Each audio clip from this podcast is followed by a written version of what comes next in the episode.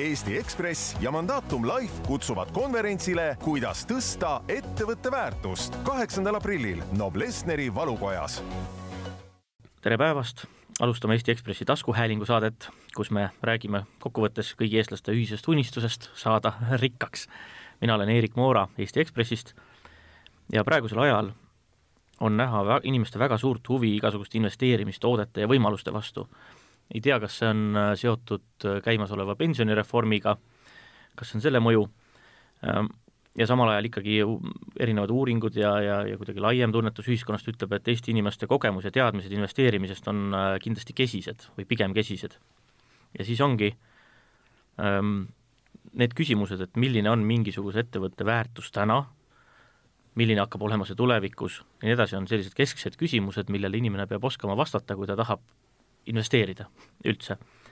ja just sel äh, põhjusel äh, toimub äh, kaheksandal aprillil Eesti Ekspressi ja Mandatum Life'i ühine konverents, mis keskendubki siis ettevõtete, seeläbi nende aktsiate, seeläbi inimeste investeeringute väärtusele, et kuidas seda kasvatada, kuidas seda hinnata, kuidas ennustada seda, milline on ettevõtte väärtus tulevikus ja mis aspektid seda mõjutavad. ja sellest me siis tänases taskuhäälingu saates räägimegi, Äh, meil osalevad siin Ellex Ra-, Ellex Raidla advokaadibüroo partner Ermo Kosk, tere! tervitus! Äh, meil esi-, äh, Kristjan Kalda, Baltcapi partner. tere, tere! ja Illar Kaasik Investment Agency'st, tervist! tere, tere! mis asi üldse on firma väärtus? No kui rääkida firma väärtusest, siis äh, tihtipeale aetakse segamini kahte mõistet. see on ettevõtte väärtus ja ettevõtte omakapitali väärtus ettevõtte omakapitali väärtus kirjeldab äh, ettevõtte väärtust omanike jaoks. ettevõtte väärtus kirjeldab äh, äh, seda väärtust, mille ettevõte loob, kasutades nii oma kui võõrkapitali. isegi ettevõtte finantsjuhid teinekord ajavad selle mõiste sassi ähm lihtsa inimese keeles, võib-olla mina olen jurist, et ma ütleks siis niimoodi, et ettevõtte väärtus on nagu võlavaba väärtus, arvestamata ettevõtte võlakoormat, ehk siis puhas netoväärtus äh, ilma võlga ega ka vaba raha arvestamata. jah, ja siis võib-olla inimese seisukohalt, kes pidevalt ostab ja müüb ettevõtteid, siis võib öelda, et eks ta on eh, see hind, eh, mida keegi on valmis selle ettevõtte eest maksma mm. -hmm ja kui me räägimegi sellest kuidagi nagu raamatupidamislikult või selle aastaaruannete kontekstis, on see ju noh, see kõik tähendab ühte, ta läheb kuidagi jällegi tehniliseks, see jutt. aga samal ajal, kuidas on, kuidagi ikka juhtub niimoodi, et meil täna äh, ühiskonnas käib tegelikult mitu väga huvitavat debatti selle üle, et, et äh, näiteks noh, mida üldse on väärt apteegiketid, terve apteegikett või mida, mida on väärt äh, terve suur äh, fossiilkütustel põhinev äriettevõte siin meil VKG näitel, kes ka lubas valitsusele esitada siis omapoolse sellise ähm, kompenseerimisnõude, et, et et ja see kuidagi see tunnetus Äh, mis on nende asjade väärtus ja mis on valitsuse otsuste hind ja asi, on nii tohutult äh, vaieldav tegelikult, tegelikult tohutult umbmäärane. et äh, Illar Kaasik, mis, mis siis on väärt apteegiketit, te just sel nädalal ühe sellise arvutuse tegite? nojah, et tegelikult finantskirjaoskuse arendamine on ühiskonnas äärmiselt tervitatav, eriti ka praeguse pensionireformi kontekstis, kus inimesed peavad hakkama tegema otsuseid tõenäoliselt, et milliseid investeeringuid teha. ja, ja ja miks mind,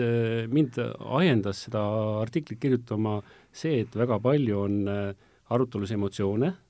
aga vähe fakte ja, ja kindlasti see kirjutis ei pretendeerinud absoluutsele tõele ettevõtte väärtuse osas, aga kindlasti oli mõte, mõte seisnes selles, et ajendada, mõtleme aga seda siis äh, klassikaliselt äh, ettevõtte väärtuse metoodikatest lähtuva arutelu kontekstis. Vaadates, kui palju kommentaare oli artikli juures ja et artikkel oli vist päeva loetum tol hetkel, siis jah, ühiskond tundis huvi sellise kirjutise vastu. jah, aga te jõudsite kuidagi nagu lõppkokkuvõttes järeldusele minu hinnangul niimoodi lihtsa lugejana, et, et ei ole nad tühjagi väärt noh, et kui, kes luges artikli põhjalikult läbi, siis ta jah, nägi seda, et, et jaeketi või apteekide hind finantskordade põhjal oli tõesti noh, selle ühe euro lähedal, kuna ettevõtte omakapital oli, oli, nullile lähenemas ja ettevõtte paari viimase aasta majandustulemust näitasid ka negatiivset ebitat, aga muidugi loomulikult me ei tohi noh, peame ka lähtuma ja arvestama seda, et, et sellisel noh, peaaegu kolmandiku turgu hõlmaval äh, apteegiketil on ka muud väärtused olemas. turuosast lähtuvad väärtused. kas keegi tahab äh, täiendada? Mulle meeldis see alguses sissejuhatus ja, ja kokkuviimine pensionireformiga, aga eks see investeerimine äh, ilma vastava hariduse või, või, või finantskirja oskuseta, nagu Illar ütles, see on natuke nagu kodus pimes ole lõikamine. võib õnnestuda, aga võib ka väga valesti minna ja kui sa hiljem siis küsid spetsialisti abi, siis, siis sellest ei pruugi enam palju abi olla mm. -hmm aga ma, äh, lähme veel korra selle ettevõtte väärtuse juurde tagasi, et, et teie töö mõnes mõttes ähm,, Jarmo Kosk ja Kristjan Kalda ju ongi tegelikult see, et et äh, nende mingisuguste suurte tehingute juures äh, ettevõtete väärtust esiteks kindlaks teha, teiseks teda siis vastavalt sellest, kumbal pool tehingut te parasjagu olete, siis suuremaks või väiksemaks rääkida, et kui selge protsess see on ja, või kui udune protsess see on ta on ikka päris selge protsess, kõik hakkabki ikka pihta äh, võimalikust ostjast, kui me räägime nüüd ettevõtte müügist, noh üks, kui ta on noteeritud, siis on ettevõttel äh, kogu aeg mingi turuväärtus, aga ka siis on aeg-ajalt küsitav, kas see turuväärtus on õige ja kas mitte ei ole mingit infot, mida inimesed ei näe ja, ja turg hindab seda valesti aga kui terve ettevõtte müüa, siis on selgelt küsimus, kui palju keegi on valmis eh, selle eest maksma ja eks ta natuke nagu, nagu müüks mingit maali, ma ei tea, Mona Lisat või et et, et ilu on vaataja silmades, nii et noh, seetõttu ta on, ta turg lõpuks on see, mis paneb, paneb selle väärtuse paika ja see ei sõltu sellest, mis mis nüüd müüja tahab või arvab, et see väärt on, et, et see ei pruugi üldsegi omada mingit tähtsust nojah, et mina võib-olla kõige vähem nendest äh, kaasosalistest siin majandusinimesena juristi pilguga vaatan nagu hästi lihtsalt. minu arust on väga, väga lihtne võimalik tavalisele ettevõtjale või inimesele selgitada, kuidas ettevõtte väärtus kujuneb. kuidas mina nagu kõrvalt näen, noh, see sõltub muidugi ettevõtte liigist, aga kõige laiemas laastus vaadatakse, palju ettevõte aastas kasumit teenib enne makse ja amorti ja korrutatakse läbi see kordajaga, äh, mis on reeglina vahemikus viis kuni neliteist, noh, ütleme see ampluaa on hästi lai, aga, ja sealt lahutatakse maha võlg sellest tulemusest ja liidetakse raha. ja nii leitaksegi see tulem, mis siis on lõplik see ettevõtte väärtus no Ermo on meil selline vanakooli mees, eks ju, sest et praegu on ikkagi väga palju ettevõtteid, ettevõtteid maailmas, mis ei tooda mingit kasumit ja on väärt tohutu palju, eks ju, ja ja, ja, ja isegi riskikapitali maailmas on ettevõte, millel puudub isegi veel käive ja nad on juba tohutu palju väärt, nii et, nii et see maailm on veidike, veidike muutunud. no nõus jah, et see on niisugune klassikalise ettevõtte hindamine, pluss siin on muidugi erisused jälle valdkonnapõhiselt, et ütleme, infrastruktuuriettevõtted, see on puhtalt äh, reguleeritud varabaas, on ju, mida ostetakse, et äh, pluss väike preemia, et jah, noh, ettevõtte väärtust mm. hinnates eh, peaks pöörama tähelepanu kahele asjaolule, et esiteks, mida näitavad numbrid bilansis kasumiaruandes, aga kindlasti peaks vaatama ka seda, mis toimub ümberringi, et millised on eh, näiteks sektori, selle sektori trendid, kus ettevõte tegutseb, eh, kuidas majanduskeskkond seda toetab, kuidas poliitilised otsused mõjutavad ettevõtte väärtusi. ehk kui näiteks ma nimetaks sellised kolm mõistet, koroonaviirus, soe ilm ja Eesti madal tööpuudus, mis on nende ühine osa ühisosa. see on tegelikult eh, erinevates sektorites ettevõtte väärtuste muutumine, muutumine. soe ilmaga suuski ei müü, koroonaviirus tähendab seda, et Tallinn kaotas kaksteist tuhat reisijat, Hiina reisijat ja ja madal tööpuudus tähendas seda, et eelmisel aastal, noh, me teame, et Eestis palgad tõusevad ja eelmisel aastal suleti mööblitööstussektoris ja õmblustööstussektoris ettevõtteid vot, aga see tähendabki seda, et, et me nagu näiliselt on see asi ähm, lihtsam, aga päriselus on see, muutub kuidagi selliseks muinasjutuliseks juba, et meil tuleb, kes meist arvestas üheksateistkümnendal jaanuaril äh, koroonaviiruse mõjudega äh, oma investeeringuid tehes. tegelikult mitte, mitte keegi vist, ma eeldan, või, või keegi teist oskas, professionaalid no ma arvan, et äh, siin hea näide on see, et, et siis kas oleks pidanud nüüd kiiresti ostma aktsiaid nendest, kes näomaske toodavad, äh, aga siis on selline lühiajaline investeering, siis tuleb kiiresti ka nendest vabaneda, kui see viirus on haripunktis, sest pärast need äh, aktsiad jälle langevad.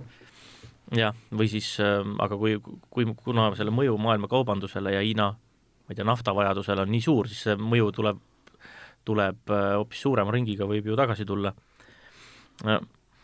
vot ja selles, sellises nagu noh, ma arvan, et ma, ma küsin äh, veidi hiljem selle mm, väärtuse tuvastamise või selle kohta natukene veel,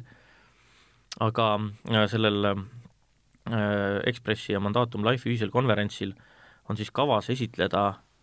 ähm, siis ettevõtete väärtus, Eesti kõige väärtuslikumate ettevõtete top sada ühte uut edetabelit, mille siis kokku paneb koos Nasdaqiga Investment Agency ähm, ja, ja et mi-, mi-, miks sellist edetabelit meil vaja on? noh, et võib-olla alustaks sellest, miks üldse ühiskonnas koostatakse edetabelid, et see on ühiskonnas olemas teatud ootused sellele, et kelli, kes on kõige rikkam, kes on kõige parem sportlane, kes oli parim näitleja, parim laulja ja nii edasi. et maailmas on, koostatakse ka toppe, mis kirjeldavad siis parimaid ettevõtteid. et seda on maailmas siis näiteks äh, kui me vaatame nagu suurpilti, siis seda teevad ka siis suured rahvusvahelised meediaettevõtted, alates kahe tuhande kolmandast aastast teeb seda näiteks, mm, kui me vaatame siin meeldetuletuseks, siis Forbes näiteks,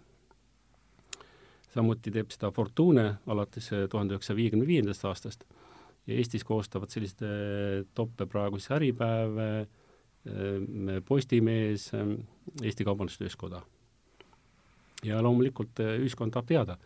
millised on Eesti väärtuslikumad ettevõtted, noh, meie missioon sellise topi koostamisel on siis seotud sellega, et me tahame aidata kaasa finantskirjaoskuse arendamisele, meid endid ka professionaalselt huvitab see, et millised on Eesti väärtuslikumad ettevõtted. ja, ja kui meil seda topi koostame nüüd pikemat aega, siis me saame hakata jälgima trende ja saame siit teha mingeid järeldusi, nii noh, konsultantidena, kes müüvad ettevõtted või, või väikeinvestoritena, kes investeerivad ettevõttesse või siis äh, investeerimispankuritena, kes teevad otsuseid ettevõtteid ostes mm. -hmm. mis andmeid teie selles edeta-, plaanitavas edetabelis äh, kasutatakse? Noh, to-, top sada Eesti väärtuslikumat ettevõtet kasutab siis hindamisel äh, äh, või meie topi puhul hinnatakse ettevõtte äritegevuse väärtust, see tähendab, palju loob ettevõtte väärtust oma äritegevuse käigus nii omanike kui võlausaldajate jaoks. erandiks on finantsteenuse pakkujad, pangad ja kindlustusseltsid, kus noh, võrreldavaid kordajaid pole olemas, ja kasutatakse hindamisel võrreldavate suhtarvude meetodit. Miks siis antud meetodit, sest see on lihtne arusaadav, meetodis on vähe subjektiivsust Äh, arvutused põhinevad turustatistikal ja ettevõtte avalikel aruannetel. ahah väga äh, lihtne aru saada, ma selles osas veel sada protsenti kindel pole äh,. kui palju äh, tehinguid äh, nõustades või läbi viies on äh,, vaadatakse selliseid toppe, edetabeleid? Null, ma arvan, top, toppide vaatamise mõttes nagu tehingu otsuseks, ma usun, et see topp aluseks ei ole kellelegi, et seal on ikka muud ajendid. Mm. Jaa, ei, toppe on põnev lugeda tavainimesele, isegi loed hea meelega, no näiteks gümnaasiumite topp, korra kaldun kõrvale, eks ju, kus, kus on palju olnud diskussiooni, kas üldse koole peaks järjestama, eks ju, kas see on õige, et sul on ju äh, seal õhtukoolid ja, ja, ja samas on äh, nii-öelda äh, eliitkoolid, et kas neid saab seal võrrelda, aga ometigi see top jätkuvalt ilmub ja seda vaadatakse suure huviga. et rohkem on see, et, et äh, eks sa vaatad huviga, aga, aga kindlasti mingeid professionaalseid otsuseid selle, selle põhjal ei tehta. no näiteks väga huvitav oleks teada, kuhu Bolt näiteks platseerub selles, selles, kui me siin rääkisime kasumitest ja kasuminäitajatest. kuidas sa hindad üldse, kuidas sa võrdled Bolti ja ma ei tea, Tallinki näiteks. nojah, Bolt kahjuks ei platseeru selles edetabelis toppi, sellepärast et äh, metoodika lähtub äh, ettevõtte käibest ja ebitast, eeskätt ebitast. ja kuna Bolt ju kasumit ei tooda, siis ta kahjuks selles edetabelis ei jõua, mis on ka natuke ebaõiglane, ehk me oleme mõelnud sellele, et siin võiks juures olla üks teine, teine edetabel ehk ka-, kasvu- ja tehnoloogiaettevõtted. ja, ja ka topi koostamisel äh, no mõningatel juhtudel äh, tekkis näiteks raskus, et millisesse sektorisse äh, paigutada näiteks ettevõte Cleveron. kas see on tehnoloogiaettevõte või see on tootmisettevõte. ehk kordajad on väga erinevad, võivad olla, erineda kaks korda aga mis kasu, milline kasu on topis oleva, topis olemisest ettevõtjale? otsest kasu selles mõttes, et jah, et investor teeb nüüd investeerimise otsuse selle põhjal, tõenäoliselt ei ole, aga noh, see, et ettevõte on hästi nähtav, see, et ettevõte on Eesti saja ühe väärtuslikuma ettevõtte hulgas, see muudab kindlasti ettevõtte usaldusväärsemaks tema partnerite,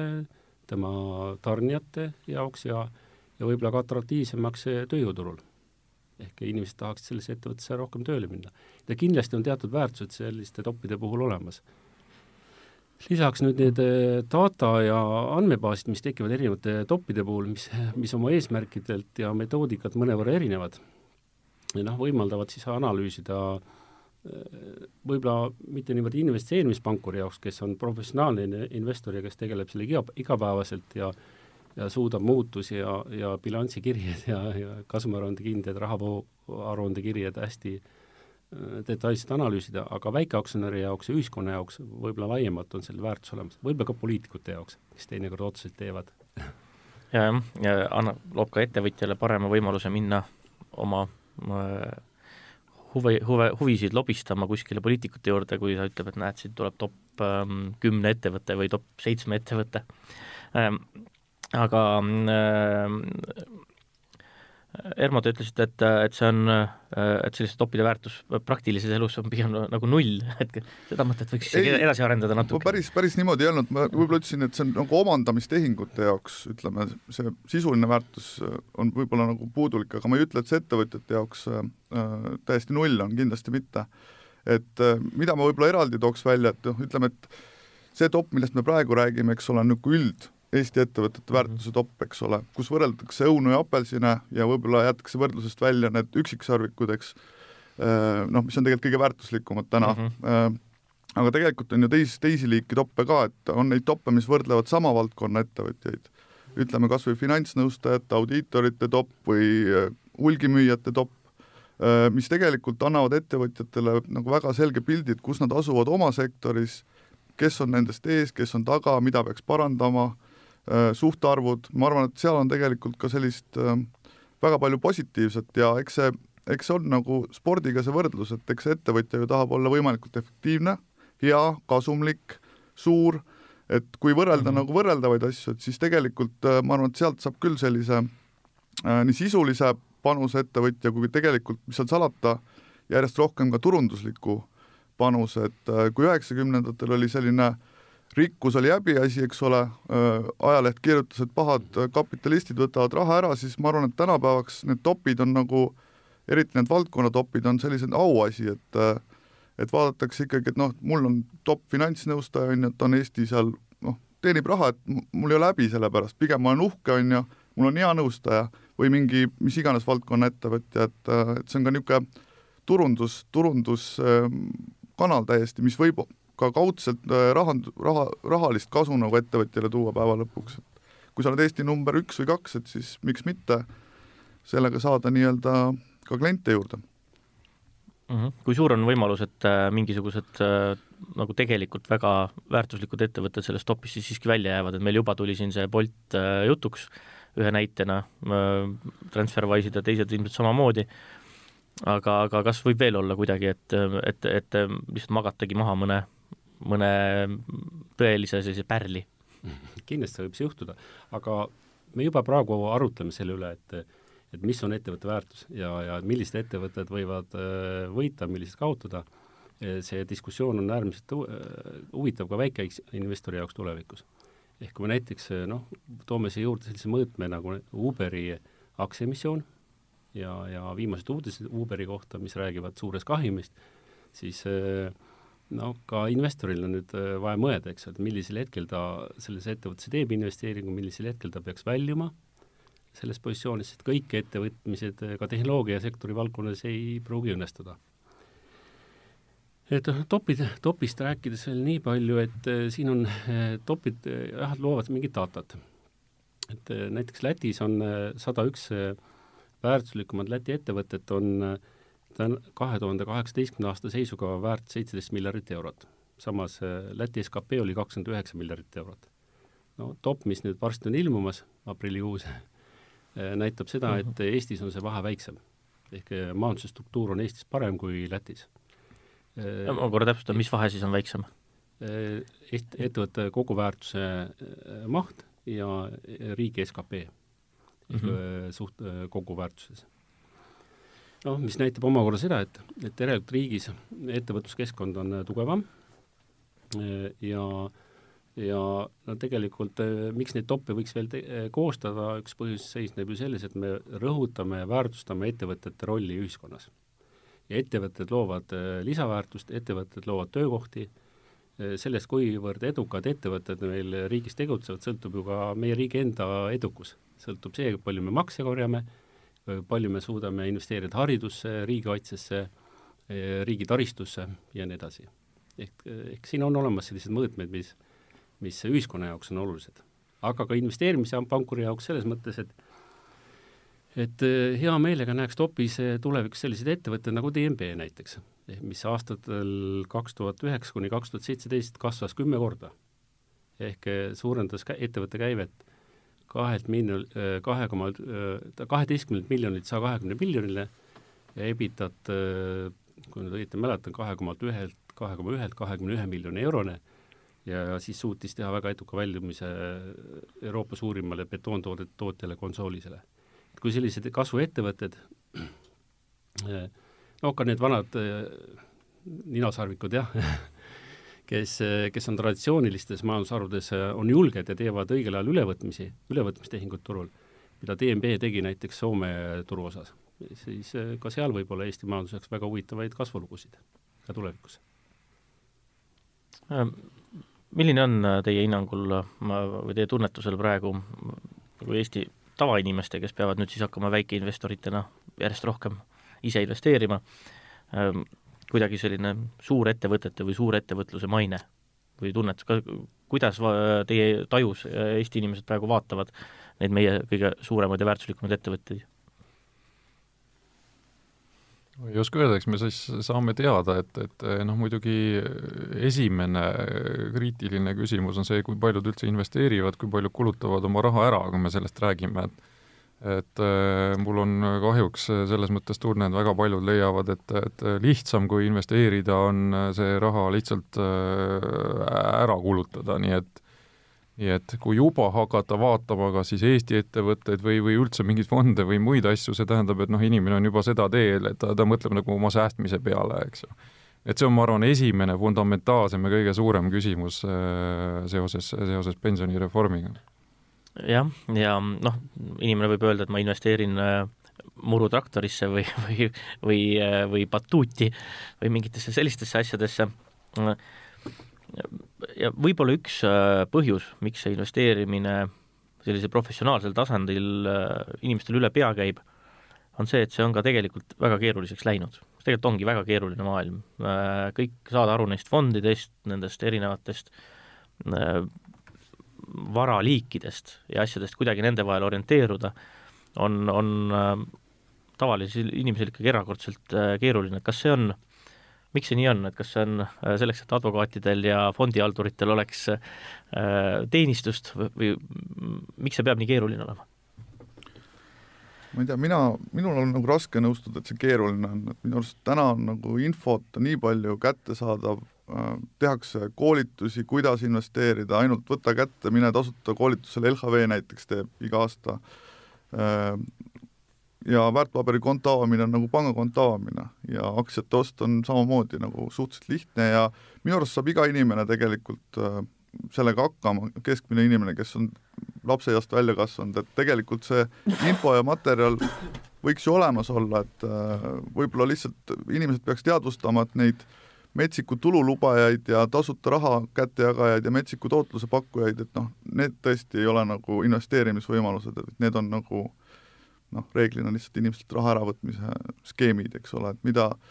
millega nagu minu hinnangul riik tegeleb ka päris efektiivselt, et ega, ega neil ei lubata ikkagi nii vabalt siin Eestis toimetada, et need on pigem nagu erandjuhud, kus kus inimestele külma tehakse, et mis on võib-olla Eesti puhul nagu miinus investeerimise puhul, on just see kapitalituru nagu arenguseis, et mida nagu professionaalid ja, ja riik tegelikult nagu tagant suruvad, aga, aga mis seal salata, et ega neid investeerimisvõimalusi tegelikult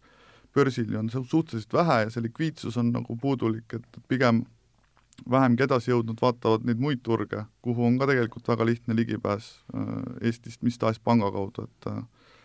Ameerika või, või mis tahes muud turu, suuremad turud, et äh, pigem see kapitalituru areng on see ja ettevõtete börsile jõudmine, et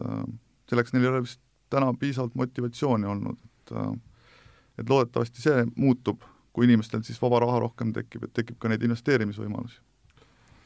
ma lasen Kristjanil ka kommenteerida ja. seda keerulisust ja lihtsust mulle meeldib ka oponeerida siin, siin Ermole, no mul on tunne, et tegelikult on tavainimese jaoks jäänud investeerimine keerukamaks ja siin üks põhjus on selles samas tõejärgses ühiskonnas, mis mis üldse teeb otsuste tegemise keerukamaks, kuna järjest raskem on nagu tõde ja valet eristada, et et tohutu palju on pakkumisi, kus saad riskivabalt tohutu suure tootluse iga aasta ja ja, ja neid pakkumisi on väga erinevaid, alates öö, otsestest kelmidest, lõpetades selliste noh, poolpettustega. ehk see teeb selle otsustamise raskeks, et sulle nagu seda tõde, kus sa tegelikult siis, siis raha teenid ja, ja valet on raske, raske eristada. ja, ja kohati on see isegi keeruliseks läinud juba, juba professionaalidel, et, et siin just lugesin mõnda aega tagasi ilmunud raamatut The Big Short, mis rääkis sellest suurest äh, võlakriisist, äh, mis põhjustas eelmise ülemaailmse majanduskriisi ja ja isegi professionaalid ei suutnud enam mingi hetk aru saada sellest äh, süsteemid, süsteemist. et noh, lisaks sellele, et sul on see tõeline ühiskond, on mhm. lisaks veel mingid süsteemsed riskid, mida on nagu järjest raskem hoomata. et meil oli korra juttu siin sellest koroonaviirusest ja kas ta nüüd mõjutab, kas on pigem paanika nüüd, mis on sellega seoses ja tegelikult mõju ei ole nii suur või on ajutine või on tal tegelikult suurem mõju ja ta võib kriisi põhjustada, noh, need on sellised küsimused, kus on, on, on, on järjest raskem orienteeruda mm. -hmm. on seal kuidagi tagasiteed ka, sest see, tegelikult see süsteemne risk on tõesti suur, keegi ju ei kontrolli, süsteemid on nii läbi põimunud, iga faktor võib käivitada mingi ootamatuid reaktsioone ehm, on see kuidagi reaalne, et see muidugi muutuks inimesele jälle tavainimesele omatavamaks mingil hetkel? see, ehk siis asjad, mis tema varade või tema elu käiku mõjutada võiks, kas need võivad, liiguvad need pigem, äh, kas on lootust, et need liiguvad taas sellesse nagu arusaadavamasse mõõtkavasse? no selleks on, äh, et nüüd oma riske hajutada, et kui me võtame nüüd noh, inimesed, kellel on, on, on palju jõukust ja, ja nutti investeerimist turul, siis, siis nad tegelevad erinevatesse varaklassidesse riskide hajutamisega, küll siis otseinvesteeringud, Äh, võib-olla ka hoopis, hoopis mingid muud äh, valaklassid, äh, väärismetallid, kinnisvara, neid, neid on väga palju variante, kuidas saab, saab oma riske hajutada. aga see juba nõuab teadmisi, et noh, tavainimesel oleks siis õigem juba hoida öö, mõnes fondis raha, kes tegeleb ise tema eest riskide hajutamisega ja sellega, et kapital ei, ei häviks aga siis me jõuame jälle küsimuseni, miks siis peab need pensionifondid selle raha välja võtma, eks ju, et et parem võtan siis nagu selle pensionifondi, kes on näidanud äh, ajalooliselt kõige paremat tootlust ja, ja usaldan seda, eks ju, et et, et noh, tegelikult äh, kui mul pole aega jälgida ja, ja mul ei ole noh, süvi, süvitsi teadmisi, siis tegelikult ma hoiaksin oma raha ikkagi selles samas pensionifondis. jah kui me teeme niisuguse, mm, kuulutame välja ühe niisuguse järjekordse topi, siis seal on sellised ilmselt ikkagi kõige tuntumad ja suuremad ettevõtted. et kas see on, äh, kui ahvatlev üldse on panustada turu kõige suurematesse ettevõtetesse, on see kuidagi, ma ei tea, praegu trend või või, või, või või peaks me vaatama pigem mm, niimoodi tunduvalt otsivama pilguga ringi? Noh, nagu Kristjan väga õieti märkis, investor peab äh, oma riske maandama, ta peab jaotama oma riske. võib-olla nii palju ma lisaks Kristjanile, et äh, erinevate, peale erinevate varaklasside võiks investeerida alati oma teadmist, teadmistesse ehk investeerimisportfellis võiks olla viis protsenti kulusid, koolituskulusid iseenda jaoks ka. et käi seminaridel, osta raamatuid kulutama aega Äripäeva lugemiseks või, või, või otsi Google'ist informatsiooni. ehk see investor ja ega riigi odanik peab ka võtma isi, ka ise vastutust, ta peab ennast koolitama. ja nüüd noh, nende ühiskondade puhul, mis on vanemad, noh, ka Põhjamaades, näiteks Rootsi või Soome, Norra ühiskond, et seal on investeerimiskultuur on väga pikk. ehk nende, nende riikide, riigid on kaua olnud kapitalismis, turumajanduses, investeerimiskultuur on pikk, mm, on läinud põlvkonnast põlvkonda ja ini-, noh, paljudel on olemas kogemus. meie saime oma riigi tagasi kolmkümmend aastat tagasi circa jah, ja, ja meil sellist klassikalist turumajandust on olnud no viisteist aastat või on seadustega enam-vähem normaalselt reguleeritud turumajandust. ja, ja, ja loomulikult ei saa olla sellist kogemust, aga, aga me peame õppima. Me peame uurima, peame enda, peame katsetama, peame, õpime ka läbi viga, vigade ka teinekord kindlasti ja mõistlik oleks loomulikult lasta oma vara hallata pensionifondidel, kui nad äh, oma valitsemistasusid vähendavad, nagu Erkki Raasuka väga õieti viimases artiklis pööras tähelepanu, et seda poleks juhtunud, kui pensionifondid oleksid tasusid vähendanud õigeaegselt.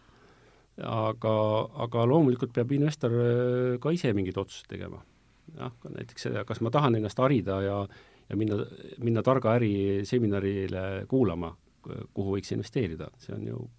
selline kahe-kolmekümne eurone kulu, no neljakümne eurone kulu, et võtta see kulu ja mine laupäeval kuulama ehk eh, ma käisin seminaril, mida Nasdaq korraldas, seal oli viissada noort sära, säravate silmadega inimest, kes eh, väga suure huviga kuulasid eh, ettekandeid, mis, milles räägiti siis investeerimisvõimalustest. ma olin väga optimistlik Eesti riigi tuleviku suhtes et seda ma küll toetaksin nagu kahe käega, et, et peale siis erinevate varade ostmise siis noh, kulutamine hariduse peale ka laiemalt, kui sa lähed ja võtad selle raha välja, näiteks õpid keelt selle raha eest või või omandad mõne, mõne, mõne oskuse, mida sa saad pärast tööjõuturul müüa, vot see on ka nagu investeering. Ja, ja, ja, ja, ja finantsharidusse investeerimine, see alati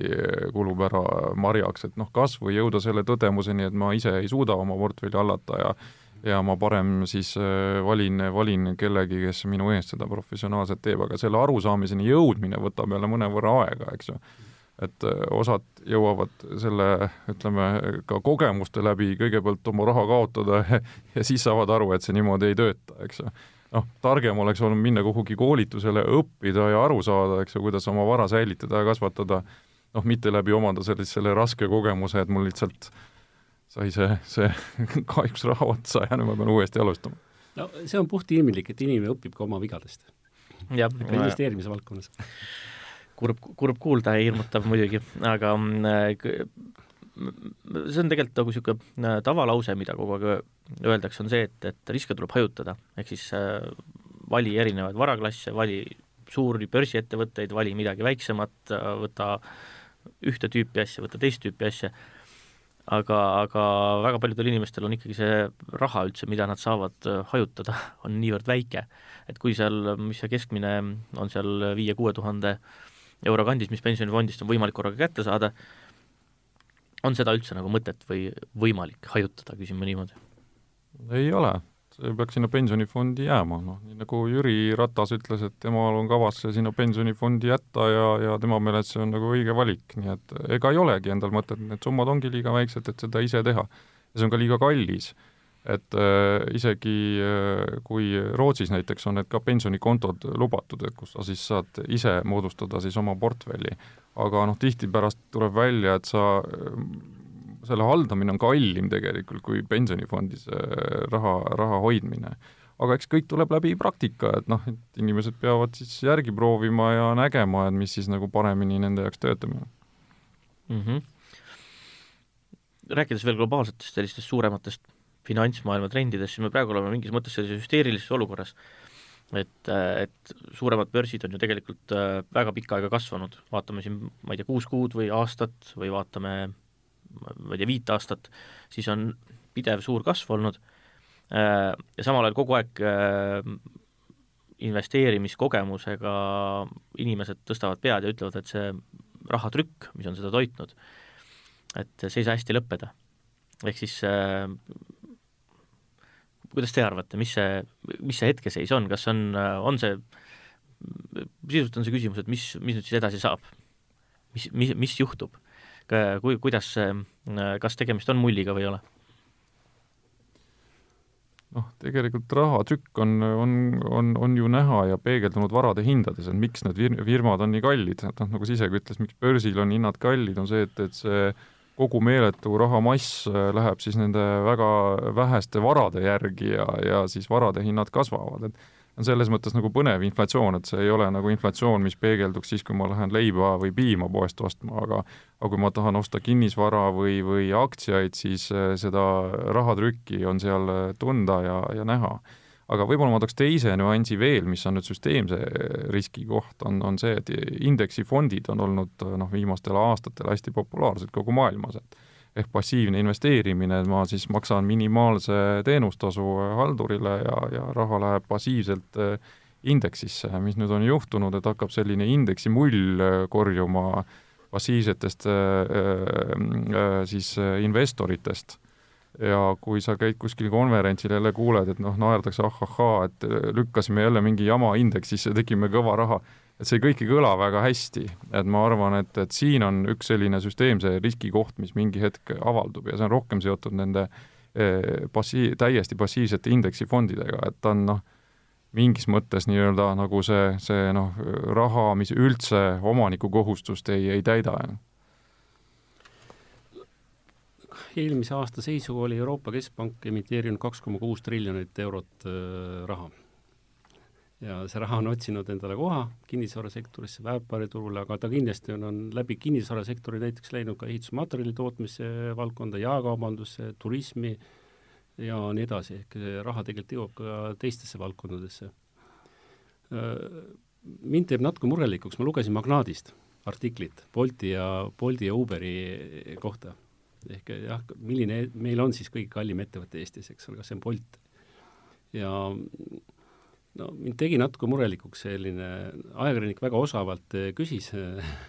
Bolti eh, omanikult ehk eh, Madis Villingult seda, et et milline on siis ettevõtte kasvulugu. et noh, ettevõte kaasab kapitali selleks, et kasvada ja,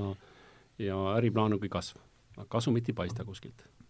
Uberi puhul tundub olevat sama, et kasv, kasv on nagu eesmärk omaette, kasumit ei paista kuskilt samas on tekkinud sellesse sektorisse tõsine konkurent, konkurents, iga järgnev tulija arendab tehnoloogiat odavamalt, sest tegelikult midagi unikaalset selles ei ole, ja, ja lõppklient ei ole lojaalne. lõppklient võtab selle toote, mis on odavam ja mis pakub hetkel parimat teenust või parimat võimalust, allahindlusi näiteks. Ja no tuletan meelde, see oli vist üheksakümne üheksandal aastal või kuskil oli üks tehnoloogiamull, et vahepeal võib tulla mingi selline, sellist tüüpi korrektsioon, et investorina oleme ettevaatlikud, vaatame ikka, jälgime kogu aeg, mis toimub. no ja see WeWorki juhtum ju praegu, kus, kus nagu väga mingi, mis ta pidi maksma, kuuskümmend kuni kaheksakümmend miljardit ja, ja siis noh, lõpuks nüüd tuleb välja, võib-olla heal juhul kümme miljardit maksab, et ja, ja üldse jäi börsile tulemata, et see, ma arvan, avas paljude jaoks ilma ja, ja silmad ja, ja noh, samamoodi tekitas küsimusi Uberite analoogsete nagu ärimudelite puhul, et et noh, samas midagi nad jälle on väärt, eks ju, et tõenäoliselt neid lihtsalt ebida kordaga hinnata oleks ka vale. nii et, nii et aga, aga see ongi see koht, kus tuleb nagu silmad lahti hoida, tegelikult tohutult infot lugeda, kui tahta aktiivselt investeerida, see tähendab meeletut tööd tegelikult, et noh, need, kes otsivad parimaid investeeringuid, see tähendab tohutult prospektide lugemist, sajad leheküljed juriidilist teksti ja siis sa suudad ka turust paremini investeerida, aga see on, see on mitte lihtsalt ka haridus, vaid see on ka meeletu töö pühendumine. jah, ma olen ise, olen väga tehno-, tehnoloogiasektori fänn, mulle väga meeldib see isiklikult, tohutult meeldib. Ja ma usun, et äh, tehnoloogiasektor ongi see, mis muudab äh, lähima kümne aasta jooksul maailma aga investori seisukohast äh, vahepeal võib toimuda mingite ettevõtete puhul, äh, no mingid ettevõtted kindlasti ebaõnnestuvad. ehk äh, nad ei leia turul kas konkurentsist tingituna või ärimudelist, noh, valest ärimudelist tingituna ei leia oma kohta. ehk see, et tehnoloogiasektor nüüd kasvab, ei tähenda seda, et kõik ettevõtted õnnestuvad. ei õnnestu mm. -hmm miks need äh, prospektid ja kõik need asjad äh, alati on nii sellised Euroopa... keerulised, kantseliitlikud, pikad no., äh, läbimatud, et, et kui see ettevõtte juhiga näost näkku räägid, ta seletab sulle ära, mis seis on, mis nende plaan on, kõik kõlab loogiliselt, aga kui ta kirjutab sellest prospekti või ta laseb advokaadibürool selle prospekti abiga koostada, siis, äh, siis äh, see ei ütle mitte midagi, miks see nii on no prospektide puhul muidugi on see, et prospektist on alati kokkuvõte investoritele, mis on lühike mm -hmm. konkreetne dokument äh, ja mida tavaliselt enamus inimesi loevad, et äh, omavahel advokaadid naerat-, naljatavad, et neid prospekte tõenäoliselt ainukesed, kes neid lõpp, otsast lõpuni läbi loevad, ongi advokaadid ise. aga tegelikult noh, see taust on ju see, et tegelikult need on äh, avalike ettevõtete puhul, see investorkaitse on Euroopa Liidus ja on üldse läänemaailmas niivõrd kõrgel tasemel,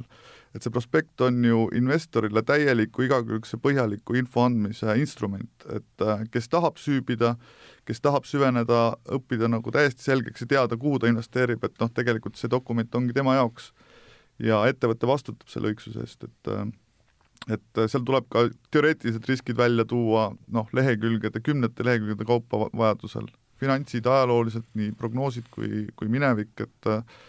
et see on äh, investori kaitseks tegelikult, et see äh, on vajalik dokument ja sellest on kokkuvõte, et tasub kokkuvõtet lugeda jah, ja aeg-ajalt tasub ka kogu prospekti lugeda, sest noh, WeWorkis ka ega tuli välja, et, et see huvide konflikti osa oli see, mis oli kõige põnevam, eks ju, kus selgus, et on nagu äh, juhatuse esimehel on nagu kümneid erinevaid huvide konflikte, eks ju. aga noh, sa pead nagu ikkagi siis ei tasu kokkulepet lugeda, vaid noh, kui sa tahad täiesti professionaal olla, siis sa loedki selle läbi äh, mõttega selle suure prospekti. jah, aga seal siis ongi jah see häda, et äh, see on sõnastatud sellisel moel, et, et et äh, sa ei pruugi sellest aru saada, et seal on kümneid äh, huvide konflikte nojah, aga ega elus ei peagi kõik lihtne olema, et äh, noh, arstidega võrdlust tuues, kui sa mõne haiguse kohta loed, ega see võib ka väga keeruline olla või, või oled füüsik, eks ju. see, see, see ongi keeruline, aga aga kui on olemas haridus ja on olemas vastav kogemus, siis sa oskad neid õigeid kohti sealt üles leida. ma tuleks mm -hmm. korraks meie topi juurde, see seondub nüüd selle investeerimiskliimaga ja ka ettevõtte väärtusega ehk eh, aprillis avaldatav top sada üks Eesti väärtuslikumat ettevõtet baseerub siis eh, EBITDA kordajal eh, baasil ettevõtte väärtuse leidmisel, aga lisaks on seda NASDAQi poolt korrigeeritud kuni kahekümne protsendi ulatuses, lähtuvalt ettevõtte hea äritava, juhtimise äritava põhimõttest. ehk seal vaadeldakse ka seda, et kas ettevõtte aruanded on läbipaistvad, kas ettevõtte veebileht on läbipaistev ja kas ettevõte kirjeldab oma jätkusuutliku arengukava noh, näiteks tänagi, kus me teame, et Euroopa Liidus kuulutati välja äh, hiljuti uus keskkonnapoliitika, siis äh, Eesti riik on, Eesti valitsus on juba teadvustanud näiteks seda, et millised investeeringud ta planeerib teha lähiaastatel energia kokkuhoiu, kokkuhoiusektorisse. ehk äh, nelisada miljonit eurot kortermajade soojustamine, nelisada miljonit eurot, no peast räägin numbreid mm, nelisada -hmm. miljonit avaliku sektori hooned, haiglad, koolimajad Äh, väga suured investeeringud äh, energia kokkuhoidu. ehk äh, noh, nüüd ette rääkides ettevõtte väärtustest, ega kui ma peaksin investeerima nüüd ettevõttesse, mis toodab soojust me näeme, et tulevikus see tur-, ettevõtte turuosa hakkab vähenema. tarbijad hakkavad vähem ostma soojust. ehk see mõjutab näiteks selle sektori väärtuseid. ja ettevõtted peaksid jah, ka oma äh, avalikes dokumentides rohkem rääkima sellest, et milline on, millised on nende pikemad plaanid ja see võimald-, see võimaldab ka väikeinvestoril lihtsamalt öö, otsuseid teha ja need ettevõtted on turul atraktiivsemad. selle topi koostamisel Nasdaq on arvestanud selle, sellega, kas ettevõtted kirjeldavad oma öö, poliitikat tulevikku suunatuna või, või mitte või kui avalikud või läbipaistvad nad on mm. -hmm. kui palju need äh, kliima ja, ja niisugused globaalsed teemad tegelikult üldse ettevõtete väärtust tänapäeval mõjutavad või kas võib ühel hetkel juhtuda näiteks, et et noh, avalik raha või nii-öelda suured, suured fondid ja, ja, ja, ja avalik raha keeravad äh, kõik fossiilkütustega seotud tehnoloogiatele lihtsalt täielikult selja või nii edasi, et kas kui palju see on äh, kuidagi, see viimaste aastate selline ärkamine selle kliima ja selle valdkonnas on jõudnud äh, turgudele?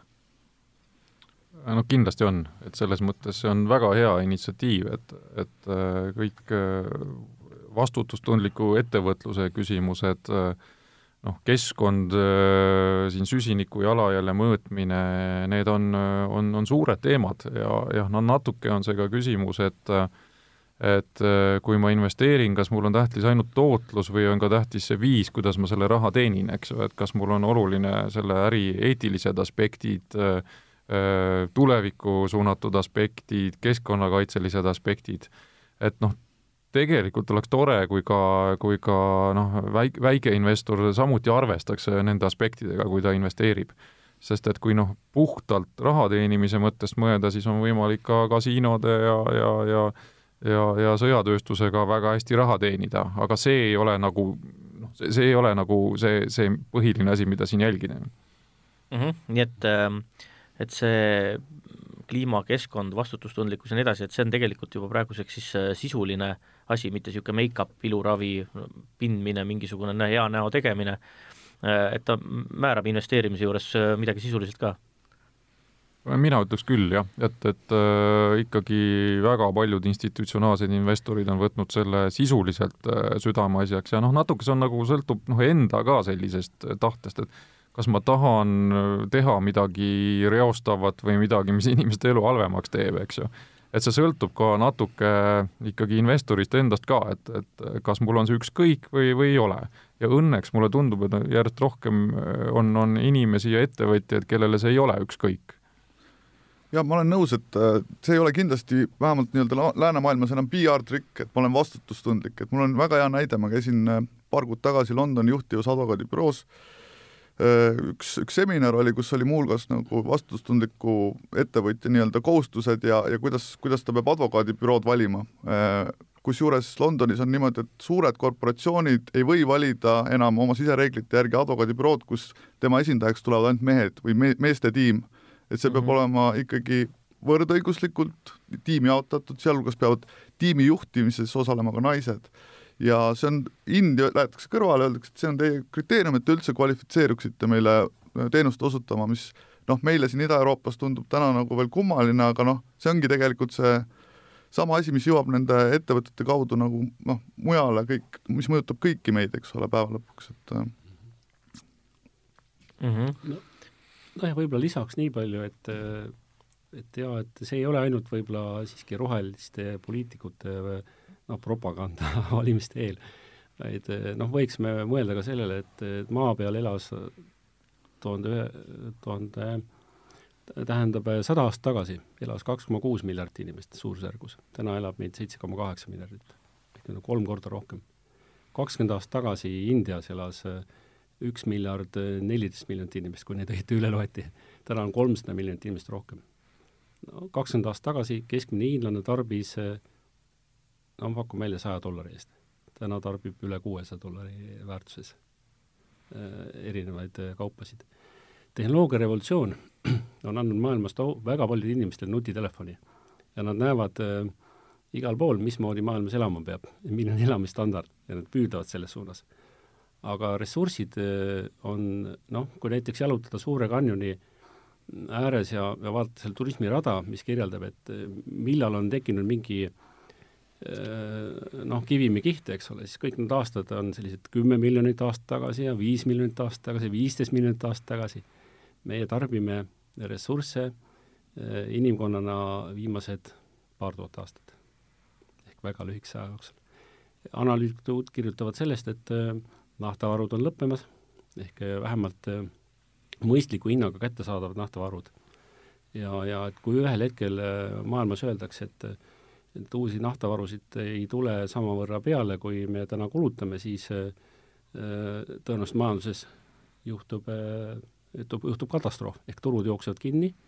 ja pigem ma isiklikult arvan, et see on väga õige, et me tegelikult täna väga aktiivselt oleme hakanud tegelema äh, sellise mm, jätkusuutlikus majandamisega ja ressursside kokkuhoiuga kokkuvõttes mm. -hmm. Me oleme rääkinud siis süsteemsetest riskidest, globaalsetest riskidest,